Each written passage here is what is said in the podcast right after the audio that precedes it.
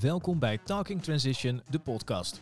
In deze aflevering gaan we in gesprek met Denise Venema, expert op het gebied van gedragsverandering. Wat vindt zij eigenlijk zo leuk aan het veranderen van gedrag? En hoe doe je dat nou eigenlijk? Welke veranderingen heeft ze zelf doorgemaakt? En als er gedragsverandering in het spel is, hebben we dan nog wel een vrije wil? Presentatie Erik Cuperus. Weer een nieuwe aflevering van uh, Talking Transition. En tegenover me zit uh, Denise Venema. Uh, welkom. Dankjewel. Uh, staat op mijn briefje 25 jaar, dat is natuurlijk totaal irrelevant. geboren Groninger. Dat vind ik wel leuk. Ik ken het Gronings volkslied, maar ik ga het niet zingen voor je. En je woont in Nijmegen op dit moment. Yes. Um, maar belangrijker nog, je werkt hier in de organisatie als gedragspsycholoog bij de gemeente Dordrecht. Klopt. En, en je zei net toen we heel even met elkaar spraken, ja, dat weet niet iedereen. Nee, dat klopt. We zitten een beetje. Nou, we doen heel erg ons best om, om zichtbaar te worden binnen de organisatie. Het is uh, best wel iets nieuws. Dus nu denk ik dat we ongeveer twee jaar of zo, um, nou misschien iets langer bezig zijn met gedragsverandering binnen de organisatie. En we zijn echt nog bezig met uh, onszelf zichtbaar maken in de, in de organisatie. Ja, er was toch dus, iemand die dacht dat het een goed idee was of dat het nodig was. Met hoeveel zijn jullie? Wij zijn nu met vier. Ah. Ja. Ja, wat grappig. Dan, want, want volgens mij zitten er best wel veranderingen aan te komen de komende tijd.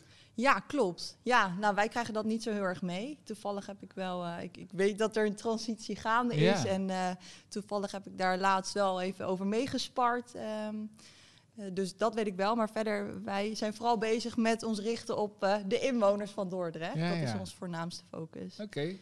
ja, wat tof. Ja, heel erg leuk. Want volgens mij, als er één ding zeker is, is dat er altijd van alles verandert. Klopt. Het enige, enige wat blijvend is, is dat alles verandert. Ja. Klopt. Dus uh, ja, gedragsverandering is heel erg belangrijk. En eigenlijk ook alles wat we bij de gemeente doen voor de inwoners van Dordrecht heeft te maken met gedrag. Ja. Uh, Waarom vind jij dat zo leuk? Nou, eigenlijk um, is dat gekomen tijdens mijn bachelor. Dat ik toen uh, had ik een docent. Ik, ik heb toen allerlei sociale psychologievakken gevolgd. En toen had ik een docent en die vertelde mij over een, uh, een onderzoek waarbij ze allemaal briefjes aan fietsen hadden opgehangen. En dan Mhm. wilden ze kijken van wat gaan mensen met die briefjes doen. Want dat waren dan briefjes. Niemand zit te wachten op zo'n briefje aan je fiets. En de meeste mensen die gooiden het dus ook op de, op de grond. Ja. En wat waar ze toen naar hebben gekeken, was eigenlijk de omgeving. Dus um, wanneer de graffiti op de muur achter de fietsen stond, dan gooiden mensen het briefje op de grond. Wanneer dat niet zo was en de omgeving dus schoon was, dan Ja. deden mensen dat niet. En dat Ja. was eigenlijk mijn eerste, uh, ja, eerste keer dat ik echt dacht van wow, oké, dit is interessant. Ja. Dus hou je ervan om mensen te manipuleren? Ja, dat zou je bijna denken, maar nee, het heeft niets te maken met manipuleren. Nou, Nee. het is interessant. Ja, manipuleren klinkt dan heel negatief. Maar het is Ja. super interessant hoe, hoe makkelijk eigenlijk het menselijk brein eh, te foppen is. Klopt. En hoe, Klopt. voorspel, hoe voorspelbaar ook. Ja, dat is inderdaad waar. Ja, we hebben wel als, eh, als mensen, we denken dat we heel rationeel zijn, dus dat we heel rationeel handelen. Maar dat is eigenlijk is dat helemaal niet zo. Eigenlijk. Bijna 95% van ons gedrag is onbewust of automatisch. Ja. En eh, ja, me- mensen reageren ook heel vaak op. Maar wacht even, want dat, ge- dat getal, 95 manier. Ja, het procent. is bizar hoog. Ja, dat is zo hoog. En eh, ik, weet dit, want ik heb dit ook vaker gehoord. En Mhm. ik heb het hier al veel vaker over gehad. Maar als je namelijk gaat ervaren, als je gewoon gaat zitten, je doet je ogen dicht en je gaat voelen, dan heb je echt het gevoel dat het, weet ik veel, dat je over 80% van wat je doet minimaal eh, controle hebt. Terwijl de werkelijkheid is, is 95% van wat je doet, beste luisteraar. Zelfs dat je nu zit te luisteren, heb je helemaal niet voor gekozen, is gewoon gebeurd. Ja. Ah, dat is aan de ene kant is het een opluchting, aan de andere kant is het, voelt het zo frustrerend. Ja. Hoe, hoe ja, heb, heb jij dat? We, we moeten ook niet willen over alles na te denken. Want als dat het geval is geweest, nou dan, nou, dan zouden we overspoeld worden. Ik- Dat, dat, zou echt Ja. niet, dat zou niet goed voor ons zijn. We hebben natuurlijk maar beperkte cognitieve capaciteit. We Ja. kunnen ook gewoon niet over alles nadenken. Dus we moeten ook heel blij zijn dat, dat er een groot deel van ons gedrag op de automatische Ja, piloot gaat. het is een goed machientje. Ja, Wat, wat was jouw, waar, waar komt jouw interesse vandaan in eh, gedragspsychologie? Ehm, ja, dat is dus eigenlijk begonnen tijdens mijn studie. Ja. Dat ik gewoon Ja, maar je- dat- toen dacht van waarom doen mensen...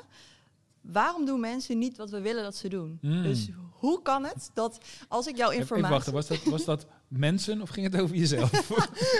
Nou, het is wel het lastigste is om jezelf te willen veranderen. Ja. Dus eh, ik, ik hou het lekker buiten mezelf. Maar ik denk van waarom doen mensen niet wat we willen dat ze doen? Hmm. Waarom, als wij mensen informatie geven, waarom nemen ze die kennis niet op? Ze weten dat iets goed is, maar toch handelen ze er ben niet je al wat naar. dichter bij het antwoord? dat is dus omdat een groot deel van ons gedrag door onbewuste processen wordt beïnvloed. Maar dan zou het dus ook kunnen zijn dat die eerste vraag, waarom doen ze niet wat we willen, is dat we ze het verkeerde willen laten doen. Of dat we nou, het op de verkeerde manier. het- op de verkeerde manier, dat is een hele goede inderdaad. Ehm, maar we willen ze niet het verkeerde doen. Want eh, bijvoorbeeld als je kijkt naar roken. Mhm. Roken is natuurlijk hartstikke slecht Ja. voor je. Ehm, we willen het liefst dat mensen stoppen met roken. Dus Ja. we doen allemaal van die angstaanjagende plaatjes Ja. doen we op de, op de pakjes, sigaretten. En we gaan ervan uit dat we dus mensen een spiegel voorhouden van... hé, hey, als jij gaat roken, dan krijg je dit. Dan verwachten we dat mensen dat niet doen. Maar zo blijkt, het, zo blijkt het niet te werken in Nee. de praktijk. Zo, zo makkelijk is En dat het. weten we al heel lang. En nou Klopt. vind ik het interessant waarom onze overheid dat nog steeds denkt dat dat de, dat, dat de weg is. Want jij, jij, eh, jij hebt dit bestudeerd. Mhm. En er zijn mensen die dat al veel langer bestuderen. En er zijn mensen die heel goed zijn in, eh, in eh, uitleggen waarom het niet werkt. Mm. En toch blijven we dit nog massaal doen. Dat is Ja. ook raar. Ja, dat is een hele goede vraag. En in principe, er is wel een bepaalde gedragstechniek die gebruikt wordt. Dat is dan fear appeals, dus mensen eigenlijk angst aanjagen. Mhm. Ehm, maar wat daarbij heel belangrijk is, is dat mensen ook zelf het idee hebben dat zij het gedrag kunnen veranderen. En dat wordt op het pakje niet gegeven. Nee. Er wordt niet gezegd van, hé, hey, het is slecht. eh, het is beter om dit te doen. Of hier kan je hulp zoeken. Of, Ja. ehm, dus er zijn heel veel factoren waar dan niet eh, rekening mee gehouden wordt. Ja. Ik zou heel graag dat pakje willen veranderen. Ja. ik, wat ik wel geloof is dat, eh, onder andere wat ze dan nu willen doen, gewoon die hele saaie witte pakjes. Eh, zonder, zonder marketing. Hmm. Waardoor je hele imago, dat hele imago-verhaal er al afgaat. Dat, dat helpt al enorm. Ja, Met ja uit- dit is natuurlijk gewoontegedrag. En gewoontegedrag is echt zo lastig te veranderen.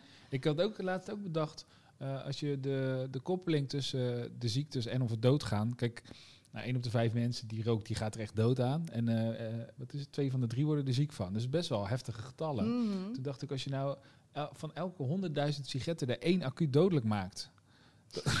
Een soort Russisch roulette. Ja, maar dan is volgens mij, maar dan is het zo afgelopen. Ja. Het is juist omdat wij dan dat risico op de lange termijn gewoon echt niet kunnen Mm. inschatten met ons brein. Klopt. Ja, ik kies altijd oplossingen die niet per se politiek correct zijn. Nee, niet heel moreel eh, Nee. verantwoord inderdaad. En we Nou ja, maar die sigarettenhandelaren zijn dat toch net zo, die zijn toch moreel ook niet. Nee. toch? En in principe, hoeveel belasting eh, wordt daarop gevangen? Ja. Ja. het schijnt nog steeds meer te kosten dan dat het oplevert. Maar goed, Ja. nou ja. Ehm, ja, eh, ja ik, mensen zijn, nou, ik vind het heel interessant. Eh, Mhm. heb, je, heb je nog andere onderzoeken waar je wat, eh, want ik vond die met die briefjes, die heb ik ook wel eens gehoord, vind ik al heel leuk. Zijn er nog meer dingen? Nou, wat ik ook heel erg leuk vind en wat heel erg ook het belang van gedragsverandering aantoont, is een onderzoek. eh, een tijdje geleden las ik daarover. Dat ehm, ze wilden dat mensen in Engeland hun huizen gingen isoleren. En ze dachten, als we dan een flinke smak met geld geven. Of laat ik de vraag anders stellen. Hm. Hoe zou jij. Ik zou ze een flinke smak met geld geven. nee, wat wilden ze dat er moest gebeuren? Nou, ze wilden dus dat die huizen geïsoleerd werden Ja. van die mensen. Ja. Mijn Was vraag de- aan jou is, hoe zou jij dat doen? Ja, ik ga gelijk doorvragen. Want mijn vraag is dan, wil je dat voor die mensen of wil je dat voor eh, het grotere geheel? Dus is het voor het milieu of voor de mensen zelf? Nou, uiteindelijk denk ik voor beide. Want Ja. als je huis isoleert, dan kan je ook natuurlijk besparen op je energiekosten. En het is natuurlijk duurzaam. Eigenlijk, dat, dat, dat zou bij mij een trigger zijn. Als ik weet van, nou oké, ik moet nu een investering doen, maar binnen vijf jaar verdien ik erop. Dan ben ik wel bereid om dat te doen.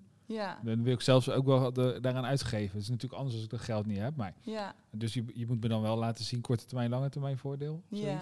ja. Ja, dus eigenlijk een soort van een beloning dat er, dat eraan hangt. Een financiële beloning die dan op de lange termijn zal uitbetalen. Ja, en ook heel duidelijk maken dat ik een soort ubermensch ben, omdat ik eh, Mhm. aan het milieu denk. ja. Weet je wel, dat, ja. ja. Ja, duurzaam persoon. Ja. Dat is heel grappig. Dus ze deden inderdaad ook toen, dachten ze van nou, als we de mensen dus gaan informeren, we, we geven aan van eh, het is beter voor het milieu en je kan dus dit, dit erop besparen. En ze geven ook nog geld. Mhm. dat mensen dan hun huizen wel zouden gaan isoleren. En dat, dat gebeurde gewoon niet. Hmm. En toen hebben ze gedacht van ja, wat, wat moeten we hier nou mee? Toen hebben gedragspsychologen hebben daar eh, dus de bewoner ondervraagd. En toen uiteindelijk bleek dus, ze hebben een nieuwe interventie bedacht waarbij ze schoonmakers naar die mensen stuurden. Dus ze kregen en het geld en een schoonmaker. Mhm. En die ging dan de, de zolder opruimen. En uiteindelijk het bleek dus de zolder die niet opgeruimd was, dat bleek het probleem te zijn. En daar zou je in eerste instantie natuurlijk totaal niet aan denken als je zegt van je huis isoleren. Ja. Ehm, en, en al die mensen die waren om. Hun zolder was opgeruimd en hun huis werd Ja. geïsoleerd. Oh, nice. Ja, dat, dat, er veel meer werk aan zit dan dat je in eerste instantie denkt. Ja, en ook dat je heel erg. Het geeft heel erg aan hoe je eigenlijk ook als gemeente gewoon echt moet kijken wat speelt er nou bij de, bij de inwoners. Ik, ik moet ineens denken, ik weet ook niet waarom die in me opkomt, maar Elon Musk, eh, Tesla, je hebt die superchargers en dan eh, dat is gratis. eh, voor de eerste Model S is het gratis laden. En dat kost dan 25, 30 minuten, dan zit hij vol. En je moet je voorstellen, Elon Musk is natuurlijk een heel druk bezet zakenman. Ehm, en hij had dus nooit verwacht dat hier in Nederland mensen die dus gewoon eh, in de top van het bedrijfsleven werken, elke dag eh, eh, 25 minuten gaan staan eh, bij, een, bij een laadpaal om gratis te laden en niet thuis opladen. Dus er waren te weinig laadpalen voor de berekeningen die ze hadden. Maar dat komt omdat hij zich gewoon niet kan voorstellen dat mensen 35 minuten van hun dag opofferen Ja. om, ja, wat is het, eh, 13, 14 euro aan stroom gratis te krijgen. Ja. Dat is gewoon een, brainwave, die gaat er bij hem niet in. Terwijl hij best wel intelligent is. ja, Dus eh, dat dat, ik vind dat wel grappig. Die, d- dat is volgens mij precies waar je vakgebied over gaat. klopt. Ja. Interessant, hè? ja, soms heb je gewoon helemaal niet door wat er nou bij anderen speelt. Ken je Dort een beetje trouwens? Nou, ik moet zeggen, ik werk hier nu nog niet zo erg lang. En ik ben heel erg bezig om eh, hier eh, wat vaker te bevinden. Want ik, eh, ik ken Noord nog niet zo heel goed. nou zit hier, eh, Lars zit hier ook. En ehm, Lars is echt een Dortenaar. In hart en nieren. Schapenkop. Toch? Ja, Ja. dat heet de schapenkop. Heb je dat gelijk geleerd? Wat is het probleem wat we hier moeten gaan oplossen, Lars? Oeh, Ja, don't get me started. Hoe Ja. lang hebben we? Nee, gewoon een, een- een- laten, we het, laten we het klein en leuk houden. Want ik wil kijken of eh, Denise, jij en ik eh, samen een, eh, een oplossing kunnen bedenken. Gedragspsychologie. Interventie. Ja, het is toch leuk om even over te fantaseren. Ja, nou, ik, ik denk dat Dort ook wel een plek is waar de, de inwoners zich nog echt wel zouden mogen realiseren. Dat, dan maken we een link met de historie. Hè, Dort is een eiland. Eh, ik weet niet of je dat al had eh, ondervonden. Rondje Dort is aan te raden, ook een keer. Je kan zo helemaal rondlopen. Leuk. Er liggen tunnels en bruggen. Dort is nog steeds een eiland. Ook in de mentaliteit van de Dortenaren. Ja, Toch? het is een soort Urk. Oh, dat vind ik zeker naar... Glad ijs. Ja, dat vind ik... een Nee, nee, grapje. nee, het is echt geen Urk. Nee. Ehm, nee, maar eh, we hebben een, een, eh, een hele dichte relatie met het water. Waardoor je zou denken dat op, op het eiland, eh, nou, bijvoorbeeld in beleid of in mentaliteit van mensen, milieu en omgang met dat water en, en dergelijke, dat dat heel erg zou leven. En dat idee heb ik totaal niet. Dus er stromen rivieren rond dit eiland, maar de gemiddelde Dordtenaar die rijdt er overheen om naar zijn werk te gaan in omliggende steden. Maar we zijn niet zo erg met het water. Terwijl, ik bedoel, Sint-Elisabeth-vloed is wel een paar eeuwen geleden. Maar dat dat een van de grote maatschappelijke uitdagingen zal zijn voor de komende eh, 50 of Ja. misschien 100, eh, 100 jaar. Ja. Dus ik, ik zou het wel interessant vinden. Kunnen we, ja, hoe, hoe, hoe kunnen we nou zorgen dat dat meer op het netvlies van de Dordtenaar is? In het klein heb je daar namelijk ook invloed op. Eh, hoeveel tegels liggen er in je tuin? Mhm. Eh, Oh, maar dat vind ik mooi. Want, want volgens mij moeten we het zo- klein zo maken als klein, dat. ja. Hoe zou het nou kunnen... Want die ken je ook wel, toch? Van die tuinen die gewoon bestaan uit eh, elf eh, tegels. En dat is het dan. Hoe, wat zouden we nou kunnen bedenken, hier met z'n drieën, met jou aan het roer, om, om eh, die tuinen te vergroenen? De tuinen vergroenen. Ja. ja. Het is heel grappig dat je dit zegt, want wij zijn wel bezig met een campagne over waterveiligheid. Dus als dus het water eh, hoog komt te staan, wat dan de inwoners moeten doen. Ja, ik, heb- nou, ik heb me al een keer laten uitleggen door een, eh, een, eh, een specialist daarin. dat, eh, dat eigenlijk, eigenlijk zijn we screwed hoor, sowieso. Als, Ja. als er hoog water komt. ja. Ja. Omdat we weinig uitvalswegen hebben en weinig hoogbouw die Mm. toegankelijk is. Maar eh, eh, dus zou je inderdaad zeggen dat het, eh, het belang van om met dat water bezig te zijn is, is, is heel groot. Klopt. Ja. Nou, hoe, hoe doen jullie dat bij dat project? Eh, ik weet niet wat de Ehm, insteek is. De- mijn collega die gaat erover, maar ik heb er wel het een en ander van meegekregen. Ehm, zij hebben nu besloten om een hoogwaterplan te maken. Dus dat mensen weten wat ze moeten doen als het water dus hoog komt. En dat zij ook al nu de urgentie voelen om daarmee bezig te Ja. gaan. Dus mocht het zover zijn dat dat noodplan dus al helemaal gemaakt is. En Ja. iedereen weet wat hij moet doen. En niet dat iedereen gaat vluchten en dat alle Ja. wegen helemaal bezet zijn. En dat we gewoon met z'n allen Ja. kopje onder gaan, zeg maar. Ehm, dus eh, dat is dan een plan met, met allerlei ehm, dingen die dan ondernomen moeten worden. ja. Wel gelijk super eh, op een cruciaal ding kom je dan. Want dan hebben we het gelijk over een noodsituatie.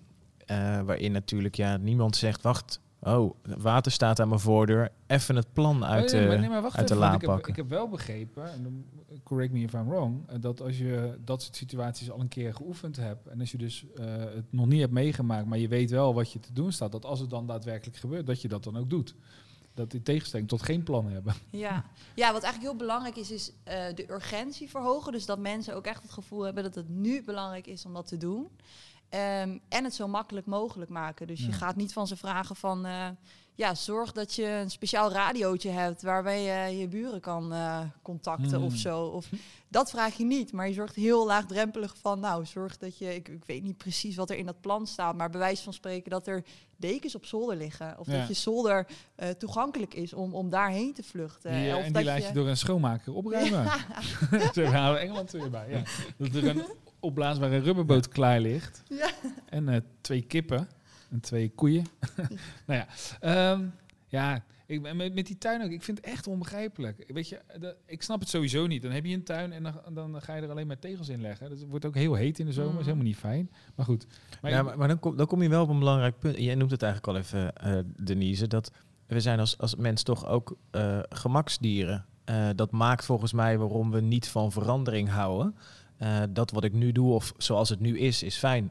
Eh, ik Ja. ben best wel bezig met milieu en dergelijke. Eh, niet zo lang geleden verhuisd. Mijn tuin moet echt nog. Die ligt helemaal vol met tegels. En ik weet wat het, hoe goed het zou zijn als ik een rijtje tegels eruit, eruit zou trekken voor hè, eh, bufferwater en dat weet ik van allemaal niet. Ehm, maar ja, ik, ik moet, er, moet er ook aan toekomen om dat te doen. En weet je, dus het, het gaat volgens mij ook over, eh, ja, hoe, net zoals de, de zolder opruimen van de mensen in Engeland, van eh, faciliteren we mensen ook in het gebruik. Want soms is alleen al het besef van dat het nodig is. eh, dat, dat maakt nog niet per se dat je tot ander gedrag komt. Dan komen we ook terug bij de voorbeeld van... De, ik denk dat heel veel rokers ook weten dat het slecht is. Maar Mm. dat brengt ze nog niet tot het toch ook best intensieve traject van eh, die verslaving afbouwen. Nou ja, met dat roken, ja, toevallig, dat is dan een dingetje waar ik ervaring mee heb. Is er iets anders aan de hand? Namelijk dat alle andere methodes om te stoppen met roken, die eh, verergeren eigenlijk eh, de, de intensiteit waarmee je blijft verzetten. Dus hoe, hoe harder de overheid gaat roepen dat het slecht voor je is, want dat weet je al, en hoe meer je dat gaat bagatelliseren. En de grap is dan echt stoppen met roken helemaal niet moeilijk is. Iedereen denkt dat het heel moeilijk is, maar dat valt dus echt enorm mee. Ehm, het is namelijk gewoon een kwestie van geen sigaret opsteken en dat dan volhouden. Nee, maar dat Ja. klinkt heel flauw. Ja. Maar de, de, ehm, je wil namelijk iets toevoegen aan je leven. Meer gezondheid, eh, meer frisse lucht, eh, langer er zijn voor je kinderen.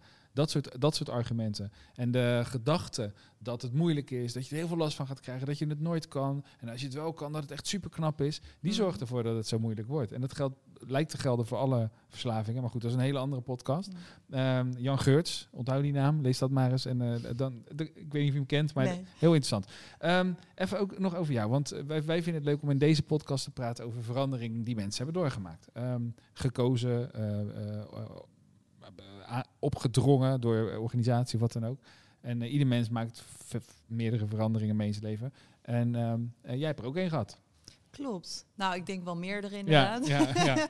Leven is één grote verandering. Maar Ja. ja, ja ik denk toch wel mijn, mijn grootste verandering is dat ik ehm, klaar was met mijn bachelor. En dat ik dacht, en nu? Ik heb eigenlijk gewoon helemaal de verkeerde studie gedaan. Wat had je gedaan dan? Ik had eh, communicatie en informatiewetenschappen gedaan. En ik wist eigenlijk al wel... ehm, nou, op dat moment wist ik nog niet welke kant ik op moest. Nee. Dus ik dacht, ja, wa- wat moet ik nu? Ja. Ik heb gewoon geen flauw idee. En eh, ik had best wel een hoog cijfer ge- gehaald op mijn scriptie. Dus eh, werd een beetje aan mij getrokken van, ga een onderzoeksmaster doen. En ik dacht van, nee, laat me met rust. Mij niet bellen. Ja. En toen dacht ik van, nou, ik denk dat, dat ik gewoon even helemaal uit mijn omgeving moet. Dat ik even weer, nou, moet luisteren naar mezelf. Dus toen eh, ben ik naar Nieuw-Zeeland gegaan met de intentie dus om... eh, Ja, Daar even, erachter- wacht even hoor, ik, ik ben naar Nieuw-Zeeland gegaan. Je, je besloot weg te gaan. ik besloot weg te Ja. gaan met de intentie om erachter te komen wat ik dan met mijn leven wilde gaan doen. Nou, ik moet zeggen, in Nieuw-Zeeland, ik heb geen enkele keer gedacht aan mijn leven hier in, eh, in Nederland en wat ik zou doen als ik terug zou komen. Nee. Dus eh echt, was echt top daar. Dat, dat, dat loskomen was dus helemaal gelukt. Ja, ja. En eh, toen kwam ik terug en toen dacht ik, het is tijd voor verandering. En ik denk dat de verandering eigenlijk al wel begon in Nieuw-Zeeland. Ik had nog nooit gereisd, nog nooit in mijn eentje. Ik Nee. was eh, toevallig dat jaar voor het eerst buiten Europa geweest. Mm. En eh, ik dacht, nou, ik ga wel in mijn eentje backpacken door ja Nieuw-Zeeland. tuurlijk. Waarom niet? Ja. Mijn ouders zeiden ook al van, ja, moet je nou echt zo ver? Ik Ja. bedoel, er zijn ook landen iets dichterbij waar je je eentje heen kan... om te kijken of je het überhaupt leuk vindt. Ja. Maar goed, dus het was echt was heel erg vet. En ehm, toen daarna kwam ik terug en toen dacht ik, het is tijd voor verandering. Ik moet, hier, ik moet hier weg. Het is allemaal nog steeds hetzelfde. En als ik nu hier mijn master ga doen, dan kom ik weer dezelfde mensen tegen en Ja. weer dezelfde docenten. En Ja. toen eh, heb, ik voor beslo heb, heb, heb ik besloten om naar, eh, om naar Nijmegen te gaan. Ja. En daar eh, een andere master gedaan. En al heel gauw eh, wist ik, ik wist wat mijn doel was. En ik dacht, het maakt me niet uit hoe ik er ga komen. Ik, als ik dit echt wil, dan, dan kom ik er wel. En dat is dus het werk wat ik nu doe. Ja, ja. En dat, maar dat kwam je dan, dat viel je zo ineens binnen. Dat zat in die 95% onbewust. Ja, ik denk. Ik, ik hoop dat ik daar ook redelijk bewust mee bezig ben geweest. Maar eh, het is wel vaak zo dat juist hele belangrijke beslissingen, dat je die vaak moet doen op basis van je gevoel. Dus dat Ja. je daar niet te veel over moet nadenken. En ik denk dat ik hier inderdaad In het- niet, niet veel over na heb gedacht. In het, in het zen-boeddhisme zeggen ze, in your heart you already know. Ja, nou dat. Ja. Ja, ja, Het antwoord, het antwoord zit er al, je, je, je was er alleen nog niet klaar voor. ja. Wat, eh, wat heb je geleerd eh, tijdens je reis? Poeh. Ik denk een heleboel dingen. En, en vooral de essentie is, het komt allemaal wel goed.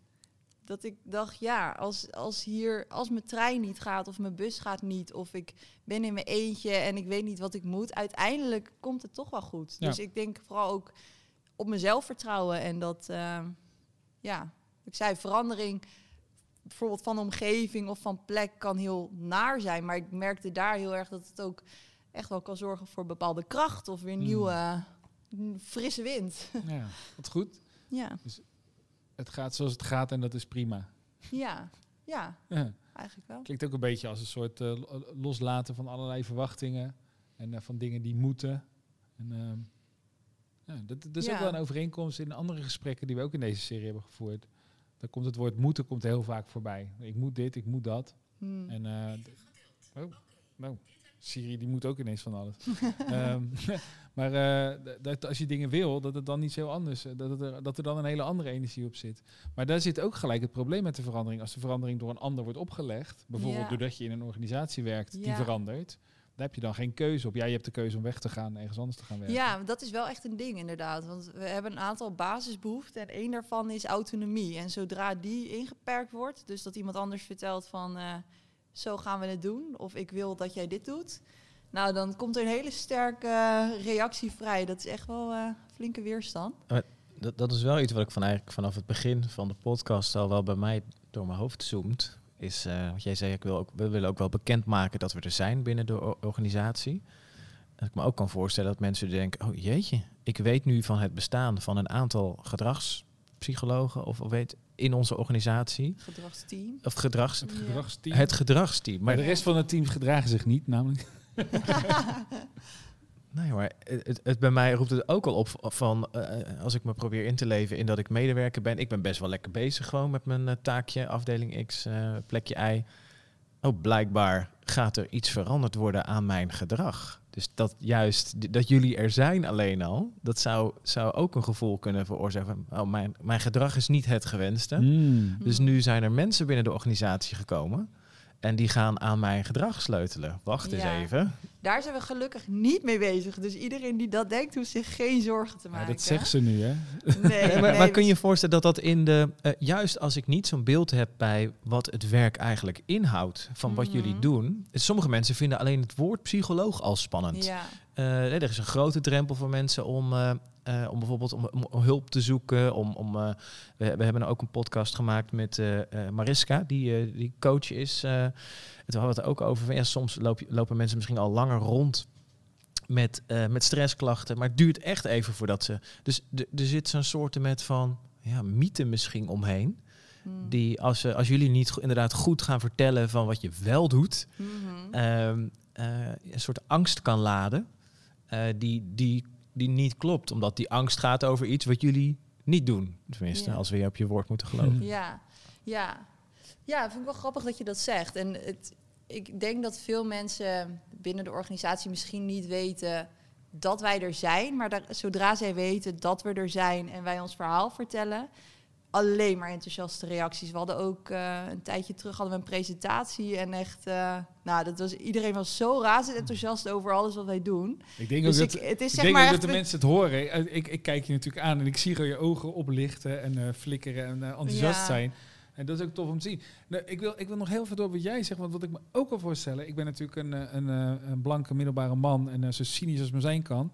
Uh, nee, dat valt wel mee. Maar ik kan me wel voorstellen dat mensen zeggen, hé, hey, een gemeente die gedragspsychologen in dienst neemt, waarom moeten ze ons zo beïnvloeden? Kunnen ze niet gewoon hun werk doen? En uh, dat. Begrijp je wat ik bedoel? Ja, het woord psycholoog omvat, dat, dat heeft best wel een bepaalde connotatie, denk mm -hmm. ik. Um, en, en het beeld wat je bij psychologen hebt, is misschien heel erg van één op één gesprek aangaan. En, maar wat wij juist doen, is um, ook, ook van grotere groepen. Dus bepaalde wijken of bepaalde buurten. En dan kijken van wat speelt er nou die mensen? Hoe kunnen wij het hun makkelijker maken? Want als gemeente vraag je best wel vaak. Uh, grote, kan je grote dingen vragen van, uh, van inwoners. Van hé, hey, we hebben nu bedacht dat jullie moeten gaan scheiden. Nou, doe het maar. En, um, we hebben het over afval, hè? Sorry, afval, afval scheiden. ja, dat is wel heel belangrijk. Ja, ja, je weet niet waar gemeentes op ingrijpen tegenwoordig. Dat zou niet best zijn. afval scheiden. Maar uiteindelijk ja, willen we het gewoon ook uh, inwoners zo makkelijk mogelijk maken. En juist heel, um, heel erg rekening houden met wat er bij hun speelt. Zodat we het voor hun ook fijner kunnen zo, maar dan noem je er wel één hoor. Even een. nee, ja, je hebt een trigger. Ja, ik heb een trigger. Afvalscheiden. Oh, afvalscheiden. nee, joh, ik, ben, uh, ik ben vrijwilliger voor het papier ophalen. Dat is hier zo geregeld dat je uh, uh, dat mensen van verenigingen, of ik doe dat dan voor de school van mijn dochter. Dus dan moet je één keer in de zoveel tijd halen wij het papier op en de school krijgt de opbrengsten. Maar dus ik, je hangt die bakken aan die kar en dan zie je ook wat eruit komt. Nou, mensen in Dordrecht hebben nog echt te leren, zeker in de wijk Sterrenburg. um, het verschil tussen papier en plastic, kippenbordjes, piepschuim en my god. En dan is het hier, Erik, het is best wel makkelijk geregeld. Je hebt een, een bak met een blauwe deksel is voor papier. Je hebt er eentje met grijs voor wat je niet weet. Dus daar zou je ook al die troep in kunnen gooien. En je hebt zelfs nog eentje met groen voor je tuinafval. Ik heb vier bakken thuis, Lars. Oh man, maar ik, dus het, het, lijkt me op sommige vlakken ook wel onbegonnen werk. Of, of zeg jij, nou ja, weet je, ik heb gewoon die energie en die drive. We krijgen het Dordrecht aan de, aan de waterplannen en aan de afvalscheiding. Nou, ik, die drive heb ik wel. Maar ja, je moet soms ook realistisch zijn. Dat je niet iedereen kan bereiken die je wil bereiken. En als je de grote groep kan bereiken, dan mag, mag je daar al heel erg blij mee zijn. En, uh, het lijkt me zo leuk om gewoon van die plannen te bedenken die echt anders zijn en die werken. Weet je, ja. ik, ik, weet dat er is in Friesland is er, is er zo'n gemeente, daar hebben ze alle verkeersborden weggehaald. En daar gebeuren nu minder ongelukken. Hmm. Wat eigenlijk heel logisch is, want dan moeten mensen gaan opletten. Ja. En dan, uh, weet je, ja, je kan niet meer als een debiel aankomen rijden.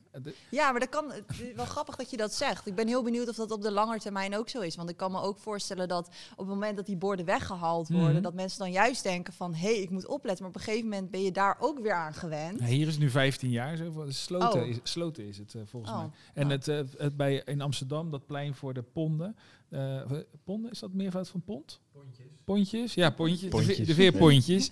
daar hebben ze uh, ook, dat is dan shared space. Dus daar, daar, daar, is niet, daar is geen fietspad meer aangegeven en er is geen voetgangers meer. Dus alles mag daar door elkaar. En dat gaat supergoed. Hmm. Maar wij mensen kunnen dat namelijk heel goed. Maar het gekke is ook dat als we, en dat vind ik, dat vind ik zo interessant. Ik hou van die recalcitrante kant van mensen. Uh, misschien omdat ik dat ben. ik vul het zelf maar in. Maar... Um, dat als je zegt dit is de regel, dan zijn er altijd mensen die gaan kijken hoe ver ze kunnen gaan. Ja, dat is inderdaad wat ik net zei, die autonomie. Dat mensen gewoon heel graag zelf willen bepalen. En dat is wel echt een hele, hele sterke behoefte van ons. Uh, in, in, fin in, Finland, volgens mij, was uh, de, de, kinderen werden daar stevast een beetje te laat op gehad op het kinderdagverblijf. Um, en uh, ja, dat is natuurlijk vervelend voor die leidsters die dan langer moeten blijven. Dus toen uh, gingen ze werken met een boetesysteem. Ja. En moest je 15 euro betalen als je te laat was. En toen kwamen alle ouders stevast te laat. Want ja, kochten zichzelf gewoon precies, af. Ja, precies. En dat is zo interessant. Ja, Toen dacht ik, ja, dan moet je dus gewoon die kinderen lekker buiten neerzetten en naar huis gaan. Ja. ja. Oorzaak en gevolg. Ja, dan wordt het een hele lange podcast. Maar dan zou je ook weer kunnen kijken, is beloning dan beter? Want dat zijn wel, als je... Uh, ik heb ook wel eens een keer voor een congres, uh, ging ook over gedragsbeïnvloeding.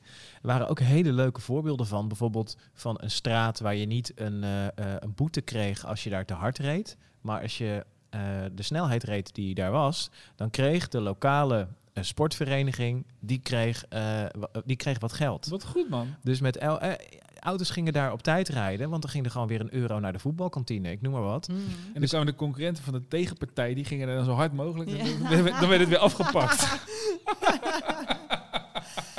ja, nee, nee, het is flauw, maar dit is wel te gek. Dat- Ja. Ik, ik hou Ja. echt van dat soort Het is oplossingen. wel altijd wel riskant om eh, te werken met eh, beloningen en straffen. Ja. Daar wordt heel snel naar geneigd. Ja. Maar ehm, het is niet altijd de manier. Want zodra dat wegvalt, hebben mensen eh, die vervallen Ja. ook weer in hun oude gedrag. Dus je Ja. wil eigenlijk zorgen dat het gewoon een intrinsieke motivatie wordt. Dat mensen het vanuit zichzelf gaan doen. Zodat het gewoon in stand blijft. Kijk, wijze woorden. Ehm ten slotte, Denise. eh, wat doe jij over 15 jaar? Poeh.